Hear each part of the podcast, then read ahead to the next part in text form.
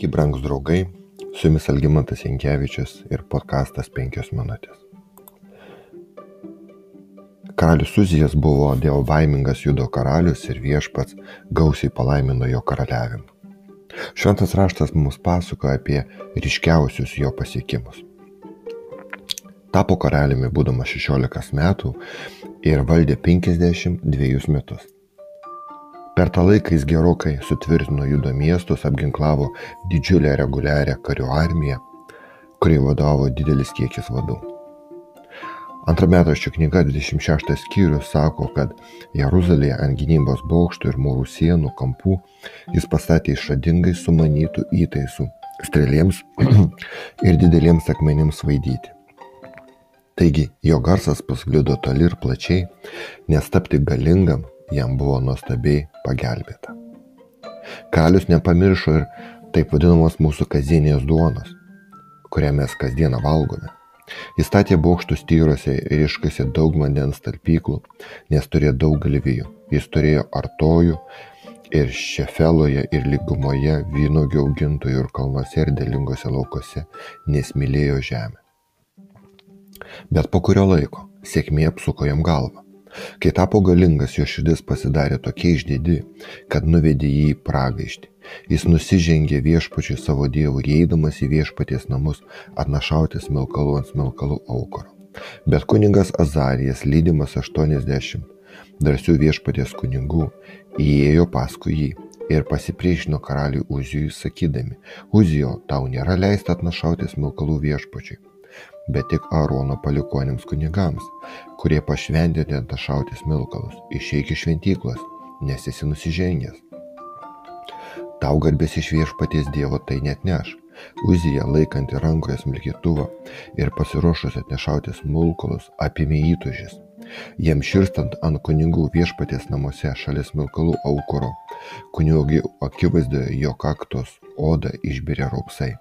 Vyriausiasis kunigas Azarijas ir kiti kunigai atsisukė jį pamatė, kad jo kakto raupsuota.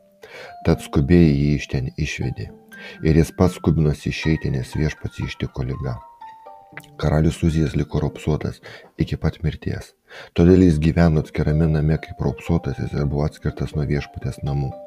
Tad jo sunus Jotamas rūpinosi karaliaus rūmais ir valdė šalies žmonės.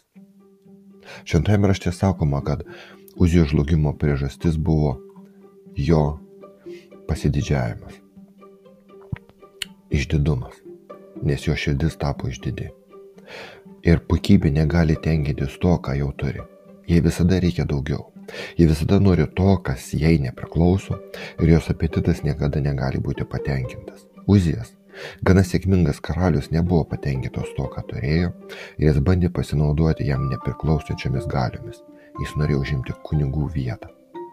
Išdidumas veda išdidų žmogų nuo Dievo apsaugos ir sukelia viešpaties prieštaravimą. Do Dievas priešinasi išdidiems, bet nuolankiems teikia malonę. Savo poelgiu Uzijas priešinosi Dievui. Išdidumas visada sako, aš geriau žinau, ką ir kaip reikia daryti. Jis tai sako visiems, taip pat ir Dievui. Aš geriau už tave Dieve žinau, ką turiu daryti. Ir mūsų gyvenimas dažnai būna pripildytas nereikalingų nuoskaudų tik dėl to, kad mes nenusižeminame prieš viešpatį ir gyvename prieštaraudami jam. Jėzus sakė, visi, kurie save išaukštins, bus pažeminti, bet kas nusižemins, bus išaukštintas. Tai nutiko Uzijui, nes jis būdamas rupsuotas, jis prarado viską - karalystę, šlovę ir galimybę įeiti į Dievo namus.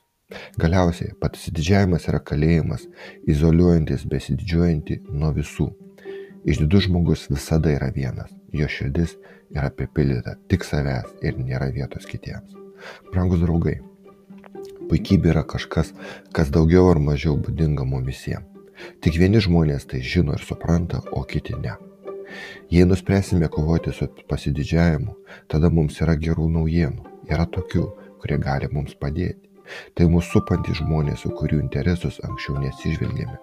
Paulius sako, Tegul nelieka vietos vaidams ar tuščiai puikybei, bet nuolankiai vienas kitą laikykite aukštesniu už save ir žiūrėkite kiekvienas ne savo naudos, bet kitų.